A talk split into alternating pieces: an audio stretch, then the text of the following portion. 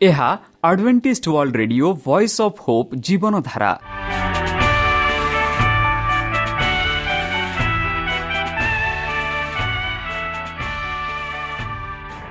Odia radio କାର୍ଯ୍ୟକ୍ରମ ଯାହା ଆମର ଆନ୍ତର୍ଜାତୀୟ ଆଘାତ କେନ୍ଦ୍ରରୁ ପ୍ରସାରଣ କରାଯାଉଛି ପ୍ରତିଦିନ ରାତି ନଅଟା ତିରିଶ ମିନିଟ୍ରେ। ମୁଁ ସୁବ୍ରତ କୁମାର ପତି ପ୍ରେମର ସହ ଆପଣମାନଙ୍କୁ ଏହି କାର୍ଯ୍ୟକ୍ରମକୁ ସ୍ୱାଗତ କରୁଅଛି। ଚାଲନ୍ତୁ ଆଜିର ତିରିଶ ମିନିଟ୍ର କାର୍ଯ୍ୟକ୍ରମ ବିଷୟରେ ଜାଣିନେବା। ପ୍ରଥମେ ରଖିଛୁ ଆଧ୍ୟାତ୍ମିକ ଭକ୍ତିମୟ ଗୀତ। ଏହାପରେ ଶୁଣିବା ସ୍ୱାସ୍ଥ୍ୟ ବିଷୟରେ ଯାହା ଆମର ଦୈନିକ ଜୀବନରେ ଅତ୍ୟନ୍ତ ଜରୁରୀ। ଆଉ ପରିଶେଷରେ ଶୁଣିବା ପରମେଶ୍ୱରଙ୍କ ଭକ୍ତଙ୍କଠାରୁ ଜୀବନଦାୟକ ଈଶ୍ୱରଙ୍କ ବାକ୍ୟ।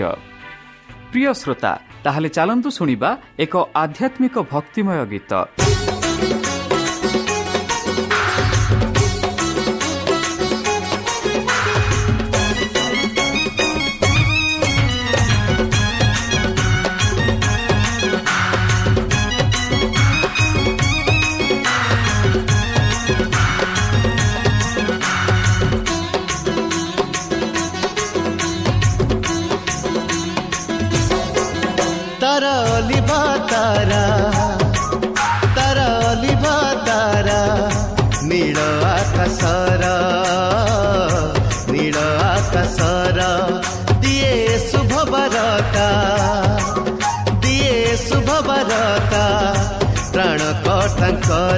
କଟାଙ୍କର ପ୍ରାଣ କଟାଙ୍କର ସରଗ ବାହିନୀ ତୁ ତମେ ସଫଳ ସାଥେ ସରଗ ବାହିନୀ ତୁ ତମେ ସଫଳ ସାଥେ କରନ୍ତି ପ୍ରଶଂସା ଈଶନନ୍ଦନର ତାର ଅଲିଭା ତାରା ତାର ଅଲିଭା ତାରା ନୀଳ ଆକାଶର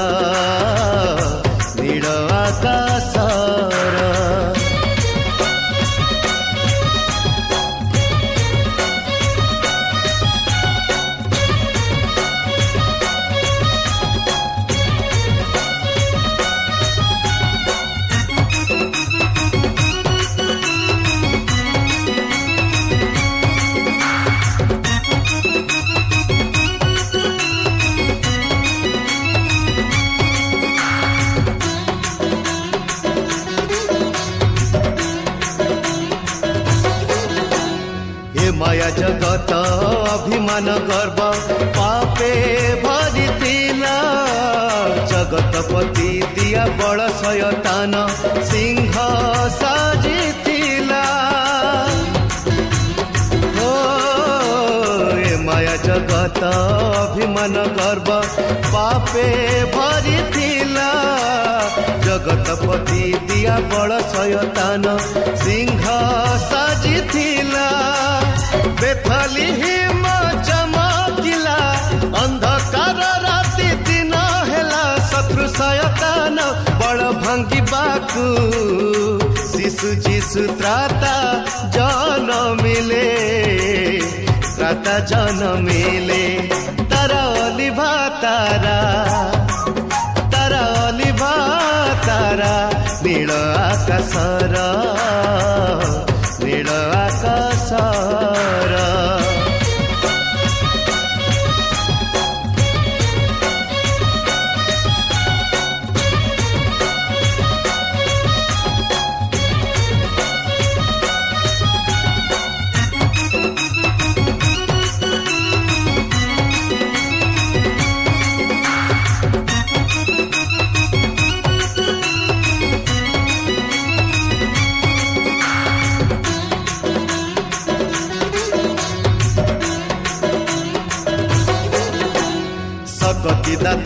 ଦାତା ସେ ଯେ ପରମ ପିତା ପ୍ରକାଶିଲେ ଜ୍ୟୋତି ହୋଇ ଦେବାକୁ ଆଲୋକ ଏ ପାପି ଜୀବନେ ମାନବ ରୂପେ ଅବତରୀ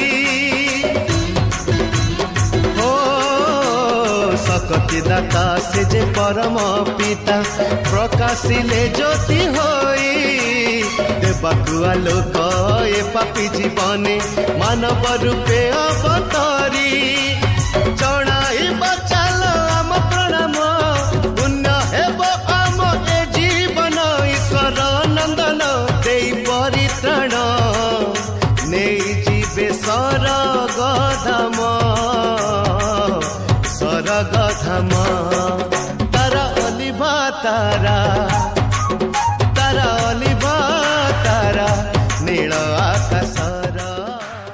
প্রিয় শ্রোতা আমি আশা করুଛୁ ଯେ ଆମର କାର୍ଯ୍ୟକ୍ରମ ଆପଣମାନଙ୍କୁ ପସନ୍ଦ ଲାଗୁଥିବ ଆପଣଙ୍କର ମତାମତ ଜଣାଇବା ପାଇଁ ଆମର ଏହି ଠିକଣାରେ ଯୋଗାଯୋଗ କରନ୍ତୁ ଆମ ଠିକଣା adventist media centre SDA mission compound Salisbury park Pune ଚାରି ଏକ ଏକ ଶୂନ ତିନି ସାତ ମହାରାଷ୍ଟ୍ର ବା ଖୋଲନ୍ତୁ ଆମର ୱେବସାଇଟ୍ ଯେକୌଣସି android phone smartphone desktop laptop କିମ୍ବା ଟ୍ୟାବ୍ଲେଟ୍ ଆମର website W W W dot A W R dot O R G slash O R I ଏବଂ W W W dot adventist media centre India dot O R G ବର୍ତ୍ତମାନ ଚାଲନ୍ତୁ ଶୁଣିବା ଈଶ୍ୱରଙ୍କ ଭକ୍ତଙ୍କଠାରୁ ଈଶ୍ୱରଙ୍କ ଜୀବନଦାୟକ ବାକ୍ୟ ଈଶ୍ୱରୀୟ ମେଷ ଶାବକ। ନମସ୍କାର ପ୍ରିୟ ଶ୍ରୋତା। ସେହି ସର୍ବଶକ୍ତି ସର୍ବଜ୍ଞାନୀ ପ୍ରେମର ସାଗର ଦୟାମୟ ଅନ୍ତର୍ଜମୀ ଅନୁଗ୍ରହ ପରମ ପିତାଙ୍କ ମଧୁର ନାମରେ ମୁଁ ପାଷ୍ଟ ପୂର୍ଣ୍ଣଚନ୍ଦ୍ର ଆଉ ଥରେ ଆପଣମାନଙ୍କୁ ଏହି କାର୍ଯ୍ୟକ୍ରମରେ ସ୍ୱାଗତ କରୁଅଛି। ସେହି ସର୍ବଶକ୍ତି ସର୍ବଜ୍ଞାନୀ ପରମେଶ୍ୱର ଆପଣମାନଙ୍କୁ ଆଶୀର୍ବାଦ କରନ୍ତୁ। ଆପଣଙ୍କର ସମସ୍ତ ମନୋକାମନା ସେ ପୂର୍ଣ୍ଣ କରନ୍ତୁ। ଆପଣଙ୍କର ସମସ୍ତ ଦୁଃଖ କଷ୍ଟ ବାଧା କ୍ଲେଶ ଓ ରୋଗରୁ ଦୂରେଇ ରଖନ୍ତୁ। ବର୍ତ୍ତମାନ ବର୍- ଯେଉଁ କରୋନା ମହାମାରୀ ସାରା ପୃଥିବୀକୁ ଆପଣା ପ୍ରଭାବରେ ରଖିଅଛି ସେହି ପ୍ରଭାବରୁ ସେହି ପରମେଶ୍ୱର ଆପଣମାନଙ୍କୁ ଉଦ୍ଧାର କରନ୍ତୁ। ତାହାଙ୍କ ପ୍ରେମ ତାହାଙ୍କ ସ୍ନେହ ତାହାଙ୍କ କୃପା ତାହାଙ୍କ ଅନୁଗ୍ରହ ସଦାସର୍ବଦା ଆପଣଙ୍କଠାରେ ସହବର୍ତ୍ତୀ ରହୁ। ରହୁ ପ୍ରିୟ ଶ୍ରୋତା ଚାଲ ଚାଲନ୍ତୁ। ଆଜି ଆମ୍ଭେମାନେ କିଛି ସମୟ ପବିତ୍ର ଶାସ୍ତ୍ର ବାଇବଲରୁ ତାହାଙ୍କ ଜୀବନଦାୟକ ବାକ୍ୟ ଧ୍ୟାନ କରିବା। ଆଜିର ଆଲୋଚନା ହେଉଛି ଈଶ୍ୱରୀୟ ମେଷ ଶାବକ। ବନ୍ଧୁ ଯୀଶୁ କହିଲେ ମୁଁ ଉତ୍ତମ ମେଷ ପାଲକ। ଉତ୍ତମ ମେଷ ପାଲକ ମେଷମାନଙ୍କ ପାଇଁ ଜୀବନ ଦିଏ ଏହିପରି ସେ କହିଲେ ମୁଁ ଉତ୍ତମ ମେଷ ପାଲକ ଏବଂ ମୋର ମେଣ୍ଢାକୁ ମୁଁ ଜାଣେ ଏବଂ ମୋର ବିଷୟରେ ଜଣା ଜଣାଶୁଣା ପିତା ଯେପରି ଜାଣନ୍ତି ମୁଁ ମଧ୍ୟ ପରମ ପିତାଙ୍କୁ ଜାଣେ ଏବଂ ମୁଁ ମେଣ୍ଢା ପାଇଁ ଜୀବନ ଦିଏ ଏହିପରି ସେ କହିଥିଲେ। ବନ୍ଧୁ ପୁନର୍ବାର ଯୀଶୁ ସେମାନଙ୍କ ଶ୍ରୋତାମାନଙ୍କ ମନରେ ସେମାନଙ୍କର ପରିଚିତ ସଂଗଠନର ପଥର ପ୍ରବେଶ କଲାଇଲେ ସେ ଆତ୍ମାଙ୍କ ପ୍ରଭାବକୁ ଥଣ୍ଡା ସତେଜ ସତେଜ ଜଳ ସହିତ ତୁଳନା କରିଥିଲେ। ସେ ନିଜକୁ ଆଲୋକ ଜୀବନର ଉତ୍ସ ଏବଂ ପ୍ରକୃତି ଏବଂ ମନୁଷ୍ୟ ପାଇଁ ଆନନ୍ଦର ରୂପେ ପ୍ରତିନିଧିତ୍ୱ କରିଥିଲେ। ବର୍ତ୍ତମାନ ଏକ ସୁନ୍ଦର ପାଲକ ଚରିତ୍ରରେ ସେମାନେ ତାଙ୍କ ଉପରେ ବିଶ୍ୱାସ କରନ୍ତି ସେମାନଙ୍କ ସହିତ ତାଙ୍କ ସମ୍ପର୍କକୁ ପ୍ରତିନିଧିତ୍ୱ କରନ୍ତି। ଏହା ଅପେକ୍ଷା ତାଙ୍କ ଶ୍ରୋତାମାନଙ୍କ ପାଇଁ କୌଣସି ଚିତ୍ର ଅଧିକ ପରିଚିତ ନଥିଲା ଏବଂ କୃଷ୍ଣଙ୍କ କଥା ଏହାକୁ ନିଜ ସହିତ ସବୁଦିନ ପାଇଁ ଯୋଡ଼ିଥିଲା। ବନ୍ଧୁ ଶିଷ୍ୟମାନେ ମେଷ ମେଷପାଲକମାନଙ୍କୁ ତ୍ରାଣକର୍ତ୍ତାଙ୍କ ଶିକ୍ଷା ଶ୍ରବଣ କରନ୍ତି କେବେ ବି ଦେଖିପାରିବେ ନାହିଁ। ସେମାନେ ପ୍ରତ୍ୟେକ ବିଶ୍ୱସ୍ତ ମେଷପାଲକର କୃଷ୍ଣଙ୍କୁ ଦେଖିବେ। ସେମାନେ ପ୍ରତ୍ୟେକ ଅସହାୟ ଏବଂ ନିର୍ଭରଶୀଳ ଫଳରେ ନିଜକୁ ରଖିବେ। ଏହି ଚିତ୍ର ଭବିଷ୍ୟତ ଭକ୍ତା ଯୀଶା ଖ୍ରୀଷ୍ଟ କାର୍ଯ୍ୟର ପ୍ରୟୋଗ କରିଥିଲେ। ସନ୍ତାନମୂଳକ ଶବ୍ଦରେ ସେ ସିୟନ ଯିଏ ସୁସମାଚାରାଣେ ତୁମକୁ ଉଚ୍ଚ ପର୍ବତକୁ ଆଣେ ହେ ଜେରୁସାଲମ ଯିଏ ସୁସମାଚାରାଣେ ଶକ୍ତି ସହିତ ତୁମର ସ୍ୱର ଉଠାଅ। ଏହା କର ଭୟ କର ନାହିଁ। ଜୁହୁଦାର ନଗରଗୁଡ଼ିକୁ କୁହେ ଦେଖ ତୁମର ପରମେଶ୍ୱର। ସେ ନିଜ ମେଷପାଲକକୁ ମେଷପାଲକ ପରି ଖାଇବାକୁ ଦେବେ। ସେ ମେଷ ଶାବକମାନଙ୍କୁ ନିଜ ବାହୁରେ ସଂଗ୍ରହ କରି ତାଙ୍କ କୋଳରେ ନେଇଯିବେ। ଏହିପରି ଆମେ ଜିସାୟ ପୁସ୍ତକ ଚାଲିଶ ନଅଠୁ ଏଗାର ପାଉଛୁ। ବନ୍ଧୁ ଦାଉଦ ବୋଲାଉଥିଲା ପ୍ରଭୁ ମୋର ପ୍ରତିପାଲକ ଅଟେ ମୁଁ ଚାହେଁ ନାହିଁ। ଏହିପରି ଗୀତ ସଂହିତା ତେଇଶ ଏକରେ ଲେଖା ଅଛି। ଏବଂ ଜିଜୁକଲଙ୍କ ମାଧ୍ୟମରେ ପବିତ୍ର ଆତ୍ମା ଘୋଷଣା କରିଥିଲେ ମୁଁ ସେମାନଙ୍କ ଉପରେ ଜଣେ ମେଷ ପାଲକ ସ୍ଥାପନ କରିବି ଏବଂ ସେ ସେମାନଙ୍କୁ ଖାଇବାକୁ ଦେବେ ମୁଁ ହଜିଯାଇଥିବା ଜିନିଷ ଖୋଜିବି ଏବଂ ପୁନର୍ବାର ତାହା ଆଣିବି। ଯାହା ପାଇଲା ପାଇଯାଇଥିଲା ସେ ଭାଙ୍ଗି ଯାଇଥିବା ଜିନିଷକୁ ବାନ୍ଧି ରଖିବ ଏବଂ ଅସୁସ୍ଥ ଥିବା ଲୋକକୁ ଦୃଢ଼ କରିବ। ଏବଂ ମୁଁ ସେମାନଙ୍କ ସହିତ ଶାନ୍ତି ଚୁକ୍ତି କରିବି ଏବଂ ସେମାନେ ଆଉ ଜାତିମାନଙ୍କ ଶିକାର ହେବେ ନାହିଁ। କିନ୍ତୁ ସେମାନେ ନିରାପଦରେ ବାସ କରିବେ ଏବଂ କେହି ସେମାନଙ୍କୁ ଭୟଭୀତ କରିବେ ନାହିଁ। ଏହିପରି ଭବିଷ୍ୟତ ବକ୍ତା ଜିସାୟ ଜି କଲ ଚଉତିରିଶ ତେଇଶ ଷୋହଳ ପଚିଶ ଅଠାଇଶରେ ଏହା ବର୍ଣ୍ଣନା କରି ଲେଖୁଅଛନ୍ତି। ବନ୍ଧୁ ଖ୍ରୀଷ୍ଟ ଏହି ଭବିଷ୍ୟତବାଣୀ ଗୁଡ଼ିକ ନିଜ ପାଇଁ ପ୍ରୟୋଗ କଲେ ଏବଂ ସେ ନିଜ ଚରିତ୍ର ଏବଂ ଇସ୍ରାଏଲ ନେତାମାନଙ୍କ ମଧ୍ୟରେ ପାର୍ଥିକ୍ୟ ଥିଲେ ଦେଖାଇଲେ। ଫାରୁସୀମାନେ କେବଳ ଗୋଟିଏ ଗୁଣ୍ଡରୁ ବାହାର କରିଦେଲେ। କାରଣ ସେ ଖ୍ରୀଷ୍ଟଙ୍କ ଶକ୍ତି ବିଷୟରେ ସାକ୍ଷ୍ୟ ଦେବାକୁ ସାହସ କଲେ ନାହିଁ। ସେମାନେ ଏକ ଆତ୍ମାକୁ କାଟି ଦେଇଥିଲେ ଯାହାକୁ ପ୍ରକୃତ ମେଷପାଲକ ନିଜ ଆଡ଼କୁ ଆକର୍ଷିତ କରିଥିଲେ। ଏଥିରେ ସେମାନେ ନିଜକୁ ଅଜ୍ଞ ବୋଲି ଦର୍ଶାଇଥିଲେ ଏବଂ ମେଷପାଲକ ଭାବରେ ସେମାନଙ୍କ ବିଶ୍ୱାସର ଯୋଗ୍ୟ ନୁହନ୍ତି। ଯୀଶୁ ବର୍ତ୍ତମାନ ସେମାନଙ୍କ ସମ୍ମୁଖରେ ଏବଂ ଉତ୍ତମ ମେଷପାଲକଙ୍କ ମଧ୍ୟମରେ ପାର୍ଥକ୍ୟ ଥିର ସ୍ଥିର କଲେ ଏବଂ ସେ ନିଜକୁ ପ୍ରଭୁଙ୍କ ମେଷର ପ୍ରକୃତ ରକ୍ଷକ ଭାବରେ ଦେଖାଇଲେ। ଏହା କରିବା ପୂର୍ବରୁ ସେ ଅନ୍ୟ ଏକ ଚିତ୍ର ତଳେ ନିଜ ବିଷୟରେ କହନ୍ତି। ସେ କହିଛନ୍ତି ଯିଏ ମେଷପାଲକ ଦ୍ୱାରା ଦେଇ ଦ୍ୱାର ଦେଇ ପ୍ରବେଶ କରେ ନାହିଁ କିନ୍ତୁ ଅନ୍ୟ ଉପରକୁ ଚଢ଼େଇ ସେ ଚୋର ଓ ଡକାୟତ ବୋଲି ଗଣନା କରାଯାଇଥାଏ। କିନ୍ତୁ ଯିଏ ଦ୍ୱାରରେ ପ୍ରବେଶ କରେ ସେ ମେଷ ପାଲକ ଅଟେ ବୋଲି ସେ କହିଥିଲେ। ଆଉ ସେମାନେ ଜାଣିପାରିଲେ ନାହିଁ ଯେ ଏହି ବାକ୍ୟ ଗୁଡ଼ିକ ସେମାନଙ୍କ ବିରୁଦ୍ଧରେ କୁହାଯାଇଛି ଯେତେବେଳେ ସେମାନେ ହୃଦୟରେ ଏହାର ଅର୍ଥ ବିଷୟରେ ଚିନ୍ତା କଲେ ଯୀଶୁ ସେମାନଙ୍କୁ ସ୍ପଷ୍ଟ ଭାବରେ କହିଲେ ମୁଁ ହେଉଛି ଦ୍ୱାର। ଯଦି କୌଣସି ଲୋକ ପ୍ରବେଶ କରେ ତେବେ ସେ ଉଦ୍ଧାର ପାଇବ। ଭିତରକୁ ଯାଇ ବାହାରକୁ ଯାଇ ଚାରଣ କରିପାରିବ। ଚୋର ଆସିବ ନାହିଁ କିନ୍ତୁ ଚୋରି କରିବା ହତ୍ୟା କରିବା ଏବଂ ବିନାଶ କରିବା ପାଇଁ। ମୁଁ ଆସିଛି ଯେ ସେମାନେ ଜୀବନ ପାଇଁ ଜୀବନ ପାଇପାରିବେ ଏବଂ ସେମାନେ ଅଧିକ ପରିମାଣରେ ପାଇପାରିବେ। ଏଥିପାଇଁ ମୁଁ ଆସିଅଛି ବୋଲି ଯୀଶୁ ଖ୍ରୀଷ୍ଟ ଘୋଷଣା କଲେ। ଖ୍ରୀଷ୍ଟ ହେଉଛନ୍ତି ଈଶ୍ୱରଙ୍କ ଦ୍ୱାର। ଏହି ଦ୍ୱାର ଦେଇ ତାଙ୍କର ସମସ୍ତ ସନ୍ତାନ ପ୍ରାଚୀନ କାଳରୁ ପ୍ରବେଶ ଦ୍ୱାରା ଦ୍ୱାର ପାଇଛନ୍ତି। ଯୀଶୁଙ୍କଠାରେ ପ୍ରକାରରେ ଦେଖାଯାଇଥିବା ପରି ପ୍ରତିଗୁଡ଼ିକରେ ଛାଇ ହୋଇଥିବା ଭବିଷ୍ୟତ ବକ୍ତାଙ୍କ ପ୍ରକାଶନରେ ପ୍ରକାଶିତ ଶିଷ୍ୟମାନଙ୍କୁ ଦିଆଯାଇଥିବା ପାଠ୍ୟରୁ ଉନ୍ନତିତ ହେବା ଏବଂ ମନୁଷ୍ୟପୁତ୍ରମାନଙ୍କ ପାଇଁ କରାଯାଇଥିବା ଚମତ୍କାରରେ ସେମାନେ ମେଷ ଶାବକକୁ ଦେଖିଛନ୍ତି। ଈଶ୍ୱର ଯିଏ ଜଗତର ପାପ ଦୂର କରନ୍ତି ବୋଲି ଜହନ କହିଥିଲେ ଏବଂ ତାଙ୍କ ମାଧ୍ୟମରେ ସେମାନେ ତାଙ୍କ ଅନୁଗ୍ରହର ଗୁଣ ଭିତରକୁ ଆଣିଲେ। ଅନେକ ଅବିଶ୍ୱାସ ଅନେକ ବିଶ୍ୱାସ ପାଇଁ ଅନ୍ୟ ବସ୍ତୁ ଉପସ୍ଥାପନ କରିବାକୁ ଆସିଛନ୍ତି।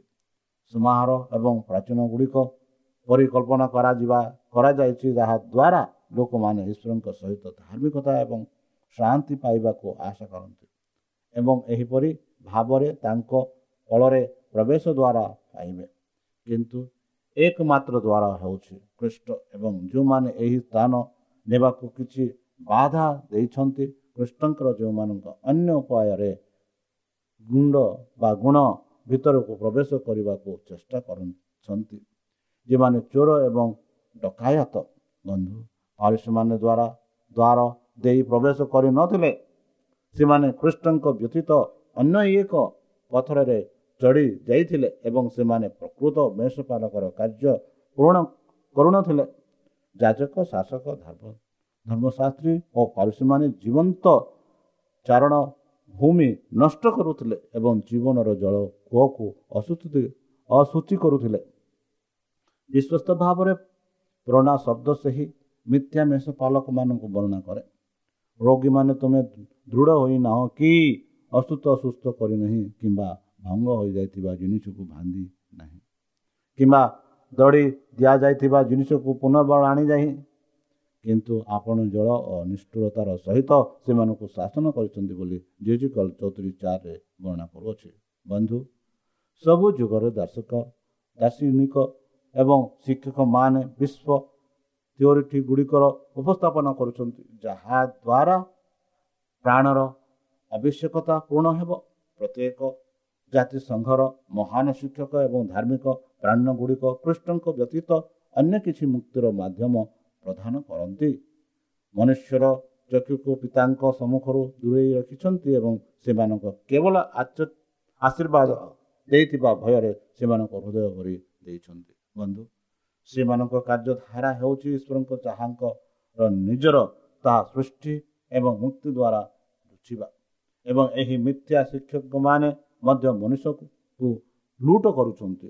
ଲକ୍ଷ ଲକ୍ଷ ମନୁଷ୍ୟ ମିଥ୍ୟା ଧର୍ମ ଅଧୀନରେ ବନ୍ଧା ଭୟରେ ବନ୍ଧନରେ ଚୋରି ଉଦାସୀନତା ଭାରସାମ୍ୟ ହର- ହରାଇ ପରିଶ୍ରମ କରିବା ଏଠାରେ ଆଶା କିମ୍ବା ଆନନ୍ଦ କିମ୍ବା ଆକାଂକ୍ଷା ହରାଇବା ଏବଂ କେବଳ ପରବର୍ତ୍ତୀ ଭୟ ସହିତ।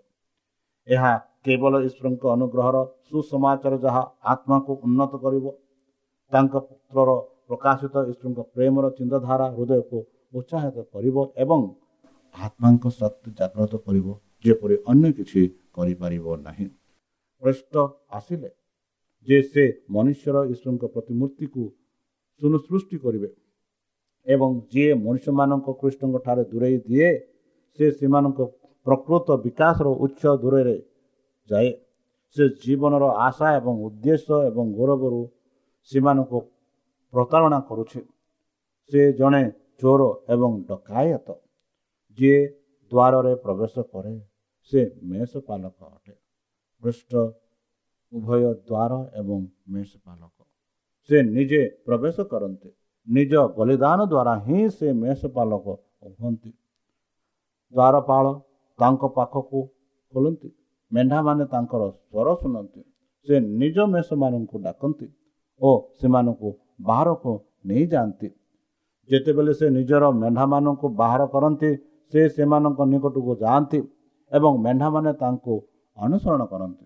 ତାଙ୍କର ସ୍ୱର ଶୁଣନ୍ତି। ବନ୍ଧୁ ସମସ୍ତ ପ୍ରାଣୀମାନଙ୍କ ମଧ୍ୟରୁ ମେଣ୍ଢା ସବୁଠୁ ଭୟଭୀତ ଏବଂ ଅସହାୟ ଏବଂ ପୂର୍ବରେ ମେଷପାଲକ ତାଙ୍କ ଫଳ ପାଇଁ ଯତ୍ନ ନେବା ନିରନ୍ତର ଏବଂ ନିରନ୍ତର।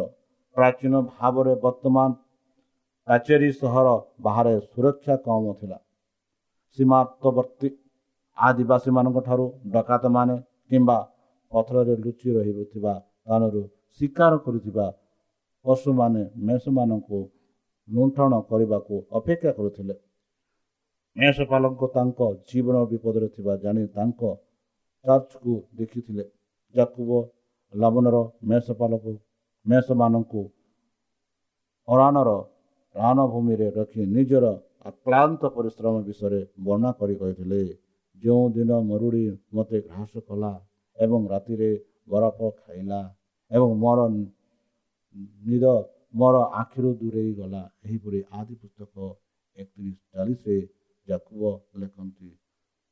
ଏବଂ ପିତାଙ୍କ ମେଣ୍ଢା ଜଗିବା ସମୟରେ ବାଲକ ଦାଉଦ ଏକାକୀ ସିଂହ ଭାଲୁ ସାମନା କରି ଚୋରି ହାତରେ ମେଷ ଶାବକକୁ ସେମାନଙ୍କୁ ଦାନ୍ତରୁ ଉଦ୍ଧାର କଲେ ବନ୍ଧୁ। ମେଷ ପାଲକ ନିଜ ପଲକକୁ ପଥୁରିଆ ପାହାଡ଼ ଉପରେ ଜଙ୍ଗଲ ଏବଂ ବୁନୁଆ ଉପତ୍ୟାକ୍ତା ଦେଇ ନଦୀ କୂଳର ଘାସ ନେଇଯାଆନ୍ତି ସେ ଏକାକୀ ରାତିରେ ପର୍ବତ ଉପରେ ସେମାନଙ୍କୁ ଦେଖୁଥିଲେ। ଡକାୟତମାନଙ୍କ ଠାରୁ ରକ୍ଷା କରୁଥିଲେ। ଅସୁସ୍ଥ ଏବଂ ଦୁର୍ବଳମାନଙ୍କ ପ୍ରତି କୋମଳ ମତି ଯତ୍ନ ନେଉଥିଲେ ତାଙ୍କ ଜୀବନ ସେମାନଙ୍କ ସହିତ ଏକ ହୋଇ ଆସୁଥିଲା। ଏକ ଶକ୍ତିଶାଳୀ ଏବଂ କୋମଳ ସଂଘଳତା ତାଙ୍କୁ ତାଙ୍କ ଯତ୍ନର ବସ୍ତୁଗୁଡ଼ିକ ସହିତ ଯୋଡ଼ିଥାଏ। ମେଷପାଳ ଯେତେ ବଡ଼ ମେଷପାଳକ ପ୍ରତ୍ୟେକ ମେଣ୍ଢାକୁ ଜାଣନ୍ତି ପ୍ରତ୍ୟେକଙ୍କର ନାମ ଜାଣନ୍ତି ଏବଂ ମେଷପାଳକର ଡାକରେ ନାମକୁ ଜବାବ ସେହି ମେଷ ମାନେ ଦିଅନ୍ତି। ଯେହେତୁ ଜଣେ ପାର୍ଥିବ ମେଷପାଳକ ତାଙ୍କର ମେଣ୍ଢାମାନଙ୍କୁ ଜାଣନ୍ତି ସେହିପରି ଈଶ୍ୱରୀୟ ମେଷପାଳକ ମଧ୍ୟ ତାଙ୍କ କଳରୁ କଲକୁ ଜାଣନ୍ତି ଯାହା ସାରା ବିଶ୍ୱରେ ବିଛା ଯାଇଛି।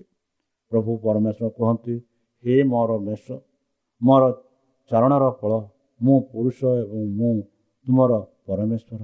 ଯୀଶୁ କହନ୍ତି ମୁଁ ତୁମ ନାମକୁ ଡାକିଲି ତୁମେ ମୋର ମୁଁ ତୁମ୍ଭର ହାତ ପାପୁଳିରେ ଖୋଦିତ କରିଛି ବୋଲି ଯିଶାୟା ଭବିଷ୍ୟତ ବକ୍ତା ଯୀଶୁକଲ ଭବିଷ୍ୟତ ବକ୍ତା ଏହିପରି କହନ୍ତି ବନ୍ଧୁ ଯୀଶୁ ଆମକୁ ପୃଥକ ଭାବରେ ଜାଣନ୍ତି ଏବଂ ଆମର ଦୁର୍ବଳତାର ଅନୁଭବ ସହିତ ସ୍ପର୍ଶ କରନ୍ତି ସେ ଆମ ସମସ୍ତଙ୍କ ନାମରେ ନାମ ଜାଣନ୍ତି ସେ ଜାଣନ୍ତି ଯେଉଁ ଘରେ ଆମେ ରହୁଛୁ ପ୍ରତ୍ୟେକ ଦଖଲକାରୀଙ୍କ ନାମ ସେ ଜାଣନ୍ତି ସେ ବେଳେ ବେଳେ ନିଜ ସେବକମାନଙ୍କୁ ଏକ ନିର୍ଦ୍ଦିଷ୍ଟ ସହରର ଏକ ନିର୍ଦ୍ଦିଷ୍ଟ ବାସ୍ତରେ ଏହି ଘର। ଏପରି ଘରକୁ ଯିବାକୁ ତାଙ୍କର ଗୋଟିଏ ମେଣ୍ଢା ଖୋଜିବାକୁ ନିର୍ଦ୍ଦିଷ୍ଟ ଦେଇଛନ୍ତି ବନ୍ଧୁ। ପ୍ରତ୍ୟେକ ଆତ୍ମା ଯୀଶୁଙ୍କୁ ସମ୍ପୂର୍ଣ୍ଣ ଭାବରେ ଜଣାଉ ଜଣାଶୁଣା ଯେପରି ସେ ହିଁ ଏକମାତ୍ର ଯାହାଙ୍କ ପାଇଁ ତ୍ରାଣକର୍ତ୍ତା ମରିଗଲେ। ପ୍ରତ୍ୟେକଙ୍କ ଦୁଃଖ ତାଙ୍କ ହୃଦୟକୁ ସ୍ପର୍ଶ କରେ। ସାହାଯ୍ୟ ପାଇଁ କ୍ରନ୍ଦନ ତାଙ୍କ କାନରେ ପହଞ୍ଚେ ସେ ସମସ୍ତ ଲୋକଙ୍କୁ ନିଜ ପାଖକୁ ଆଣିବାକୁ ଆସିଥିଲେ। ସେ ସେମାନଙ୍କ ମୋତେ ଅନୁସରଣ କର ବୋଲି ସେ କହିଲେ ଏବଂ ତାଙ୍କ ଆତ୍ମା ସେମାନଙ୍କ ନିକଟକୁ ଆସିବା ପାଇଁ ସେମାନଙ୍କ ହୃଦୟ ଉପରେ ଗତି କରନ୍ତି। ବନ୍ଧୁ ଅନେକ ଆଣିବାକୁ ମନା କରନ୍ତି। ଯୀଶୁ ଜାଣନ୍ତି ଯେ ସେମାନେ କିଏ? ସେ ମଧ୍ୟ ଜାଣନ୍ତି କିଏ ତାଙ୍କ ଆହ୍ୱାନକୁ ଖୁସିରେ ଶୁଣନ୍ତି ଏବଂ ତାଙ୍କର ପାଲକ ଯତ୍ନ ନେବାକୁ ପ୍ରସ୍ତୁତ ହୁଅନ୍ତି। ବନ୍ଧୁ ସେ ନିଜ ମେଣ୍ଢାକୁ ଡାକନ୍ତି ଏବଂ ସେମାନଙ୍କୁ ବାହାରକୁ ନେଇ ଯାଆନ୍ତି ଏବଂ ମେଣ୍ଢାମାନେ ତାଙ୍କ ଅନୁସରଣ କରନ୍ତି। କାରଣ ସେମାନେ ତାଙ୍କ ସ୍ମରଣ ସ୍ୱର ଜାଣନ୍ତି। ପୂର୍ବାଞ୍ଚଳ ମେଷପାଲକ ନିଜର ମେଣ୍ଢା ଚଲାନ୍ତି ନାହିଁ। ସେ ଗଲ କିମ୍ବା ଭୟ ଉପରେ ନିର୍ଭର କରେ ନାହିଁ। କିନ୍ତୁ ଆଗକୁ ଯାଇ ସେମାନଙ୍କୁ ଡାକନ୍ତି। ସେମାନେ ତାଙ୍କ ସ୍ୱର ଜାଣନ୍ତି ଏବଂ ଆହ୍ୱାନକୁ ମାନନ୍ତି। ତ୍ରାଣକର୍ତ୍ତା ମେଷପାଲକ ମଧ୍ୟ ତାଙ୍କର ମେଷମାନଙ୍କ ସହିତ କୁହନ୍ତି ଶାସ୍ତ୍ର କୁହେ ତୁମେ ଲୋକମାନଙ୍କ ମଶା ଓ ହାରଣଙ୍କ ପଲ ପରି ପଲ ପରି ଆଗେଇ ଯାଅ ବୋଲି ସେ କହନ୍ତି। ଭବିଷ୍ୟତ ଭକ୍ତାଙ୍କ ମାଧ୍ୟମରେ ଯୀଶୁ ଘୋଷଣା କରିଛନ୍ତି ବନ୍ଧୁ ମୁଁ ତୁମକୁ ଅନନ୍ତ ପ୍ରେମ ସହିତ ପ୍ରେମ କରିଛି ତେଣୁ ସ୍ନେହ ପୂର୍ଣ୍ଣ କରୁଣା ସହିତ ମୁଁ ତୁମକୁ ଆକର୍ଷିତ କରିଛି। ସେ କାହାକୁ ଅନୁସରଣ କରିବାକୁ ବାଧ୍ୟ କରନ୍ତି ନାହିଁ? ସେ କୁହନ୍ତି ମୁଁ ସେମାନଙ୍କୁ ଆଣିଲି ଜଣେ ଲୋକର ଦୌଡ଼ିରେ ପ୍ରେମ ବନ୍ଧନରେ। ଏହା ଆମେ ପାଉଅଛୁ। ଗୀତ ସଂହିତା ସତସ୍ତରୀ କୋଡ଼ିଏ ଜିରିମିୟ ଏକତିରିଶ ତିନି ଓ ସେଇ ଏଗାର ଚାରିରେ। ବନ୍ଧୁ ଏହା ଦଣ୍ଡର ଭୟ କିମ୍ବା ଅନନ୍ତ ପୁରସ୍କାରର ଆଶା ନୁହେଁ ଯାହା କୃଷ୍ଣଙ୍କ ଶିଷ୍ୟମାନଙ୍କୁ ତାଙ୍କ ଅନୁସରଣ କରିବାକୁ ଆଗେଇ ନେଇଥାଏ ନେଇଥାଏ। ସେମାନେ ଦେଖନ୍ତି ତ୍ରାଣକର୍ତ୍ତାଙ୍କ ଅସୀମ ପ୍ରେମ ପୃଥିବୀରେ ତାଙ୍କ ତୀର୍ଥଯାତ୍ରାରେ ବେତଲମଙ୍କ ଖଞ୍ଜ ଠାରୁ କଳବରୀ କୃଷ୍ଣ ପର୍ଯ୍ୟନ୍ତ ପ୍ରକାଶିତ ହୋଇଥାଏ ଏବଂ ତାଙ୍କ ଦେଖି ତାଙ୍କୁ ଦେଖିବା ଦ୍ୱାରା ଏହା ଆକର୍ଷିତ ହୁଏ। ଏହା ଆତ୍ମାକୁ ନରମ କରିଥାଏ। ପ୍ରେମ ଦର୍ଶକ ହୃଦୟରେ ଜାଗ୍ରତ ହୁଏ। ସେମାନେ ତାଙ୍କ ସ୍ୱର ଶୁଣନ୍ତି ଏବଂ ସେମାନଙ୍କ ତାହାଙ୍କୁ ଅନୁସରଣ କରନ୍ତି। ବନ୍ଧୁ ମେଷ ପାଲକ ନିଜ ମେଣ୍ଢା ଆଗରେ ଯିବାବେଳେ ନିଜ ପ୍ରଥମେ ରାସ୍ତାର ବିପଦର ସମ୍ମୁଖୀନ ହୋଇଥିଲେ। ସେହିପରି ଯୀଶୁ ମଧ୍ୟ ତାଙ୍କ ଲୋକଙ୍କ ସହିତ ଯେତେବେଳେ ସେ ନିଜର ମେଷମାନଙ୍କ ବାହାର କରନ୍ତି ସେତେବେଳେ ସେ ସେମାନଙ୍କ ନିକଟକୁ ଯାଆନ୍ତି। ସ୍ୱର୍ଗକୁ ଯିବା ପଥ ଉଦ୍ଧାରକାରୀଙ୍କ ପାଦ ଚିହ୍ନ ଦ୍ୱାରା ପବିତ୍ର ହୋଇଛି। ରାସ୍ତାଟି ଖାଲ ଏବଂ ଦୁର୍ଗମ ହୋଇପାରେ କିନ୍ତୁ ଯୀଶୁ ସେହି ପଥରେ ଯାତ୍ରା କରିଛନ୍ତି। ତାଙ୍କ ପାଦ ନିଷ୍ଠୁର କଣ୍ଟାକୁ ଦବାଇ ଦେଇଛି ଯାହା ଆମ ପାଇଁ ରାସ୍ତାକୁ ସାହାଯ୍ୟ କରିବ। ପ୍ରତ୍ୟେକ ଭାର ଯାହାକୁ ସେ ନିଜେ ବହନ କରିବାକୁ ଆହ୍ୱାନ କରିଛନ୍ତି ଯଦିଓ ବର୍ତ୍ତମାନ ସେ ଈଶ୍ୱରଙ୍କ ଉପସ୍ଥିତିରେ ଆରୋହଣ କରିଛନ୍ତି ଏବଂ ବ୍ରହ୍ମାଣ୍ଡର ସିଂହାସନ ବାଣ୍ଟିଛନ୍ତି। ଯୀଶୁ ତାଙ୍କର ଦୟାଳୁ ପ୍ରକୃତିର କୌଣସିଟି ହରାଇ ନାହାନ୍ତି ଆଜି ସମାନ କୋମଳ ସଦୃହୟ ହୃଦୟ ମାନବିକତାର ସମସ୍ତ ଦୁଃଖ ପାଇଁ ଖୋଲା ଅଛି।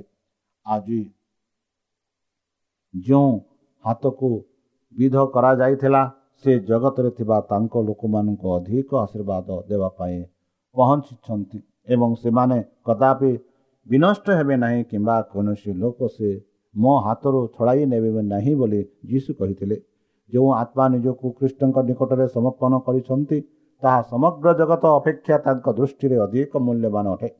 ତ୍ରାଣକର୍ତ୍ତା କଳବରୀ ଯନ୍ତ୍ରଣା ଦେଇ ଯାଇଥାନ୍ତେ ଯେପରି ଜଣେ ତାଙ୍କ ରାଜ୍ୟରେ ଉଦ୍ଧାର ପାଇପାରିବେ ଯାହାଙ୍କ ପାଇଁ ସେ ମରିଛନ୍ତି ସେ କଦାପି ପରିତ୍ୟାଗ କରିବେ ନାହିଁ। ଯେ ପର୍ଯ୍ୟନ୍ତ ତାଙ୍କ ଅନୁଗାମୀମାନେ ତାଙ୍କୁ ଛାଡ଼ିବାକୁ ପସନ୍ଦ କରନ୍ତି ନାହିଁ ସେ ସେମାନଙ୍କୁ ଦୃଢ଼ ଭାବରେ ଧରି ରଖିବେ। ବନ୍ଧୁ ଆମର ସମସ୍ତ ପରୀକ୍ଷଣ ମାଧ୍ୟମରେ ଆମର କଦାପି ବିଫଳ ହୋଇପାରେ ନାହିଁ। ପ୍ରଲୋଭନ ସହିତ ସଂଗ୍ରାମ କରିବାକୁ ମନ୍ଦ ସହିତ ଲଢ଼ିବାକୁ ଏବଂ ଶେଷରେ ଭାର ଏବଂ ଦୁଃଖରେ ଚୂର୍ଣ୍ଣ ହେବାକୁ ଆମକୁ ଛାଡ଼ି ନାହାନ୍ତି ଯଦିଓ ବର୍ତ୍ତମାନ ସେ ମୃତ୍ୟୁ ଦୃଷ୍ଟିର ଲୁଚି ରହିଛନ୍ତି ବିଶ୍ୱାସର କାନ ତାଙ୍କ ସ୍ୱର ଶୁଣିବାରେ ଭୟ କରେ ନାହିଁ। ମୁଁ ତୁମ ସହିତ ଅଛି। ମୁଁ ଜୀବିତ ଓ ମୃତ୍ୟୁ ଏବଂ ଦେଖ ମୁଁ ଚିରଦିନ ପାଇଁ ଜୀବିତ ଅଛି। ଏହିପରି ପ୍ରକାଶିତ ବାକ୍ୟ ଏକ ଅଠରେ କହୁଅଛି ମୁଁ ତୁମର ଦୁଃଖ ସହିତ ତୁମର ସଂଘର୍ଷକୁ ଅନୁଭବ କରିଛି। ତୁମର ପ୍ରଲୋଭନର ସମ୍ମୁଖୀନ ହୋଇଛି। ମୁଁ ଜାଣେ ତୁମର ଲୁହ। ମୁଁ ମଧ୍ୟ କାନ୍ଦିଲି। ମୁଁ ଜଣେ ଦୁଃଖିତ। ଯାହା କୌଣସି ମନୁଷ୍ୟର କାନରେ ନିଶ୍ୱାସ ନେବାକୁ ଅଧ୍ୟତିକ ଗଭୀର ଅଟେ। ଭାବ ନାହିଁ ଯେ ତୁମେ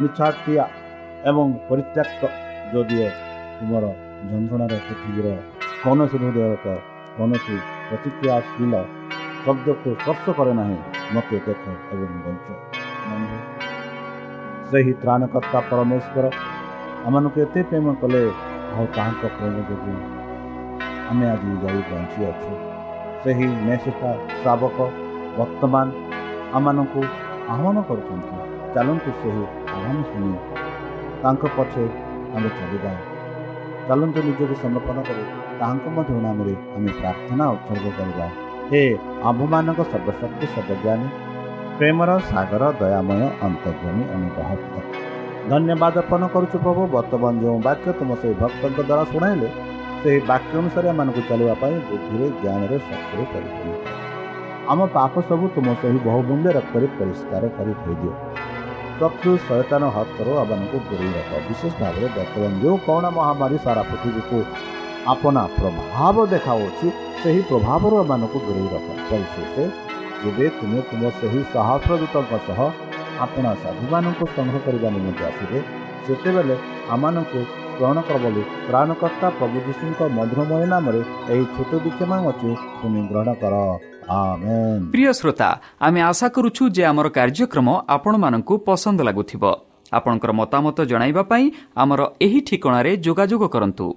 ଆମ ଠିକଣା adventist media centre SDA mission compound Salisbury park Pune ଚାରି ଏକ ଏକ ଶୂନ ତିନି ସାତ ମହାରାଷ୍ଟ୍ର ବା ଖୋଲନ୍ତୁ ଆମର ୱେବସାଇଟ୍ ଯେକୌଣସି android phone smartphone desktop laptop କିମ୍ବା ଟ୍ୟାବ୍ଲେଟ୍ ଆମର website W W W dot A W R dot O R G slash O R I ଏବଂ W W W dot adventist media centre India dot O R G adventist media centre ଇଣ୍ଡିଆର spelling ହେଉଛି A D V E N T I S T M E D I A C E N T R E I N D I A ଅଥବା download କରନ୍ତୁ ଆମର mobile app ଆପଣଙ୍କର mobile play ଷ୍ଟୋରକୁ ଯାଆନ୍ତୁ ଆଉ type କରନ୍ତୁ the voice of hope ଆଉ download କରନ୍ତୁ। ଈଶ୍ୱର ଆପଣଙ୍କୁ ଆଶୀର୍ବାଦ କରନ୍ତୁ। ଧନ୍ୟବାଦ।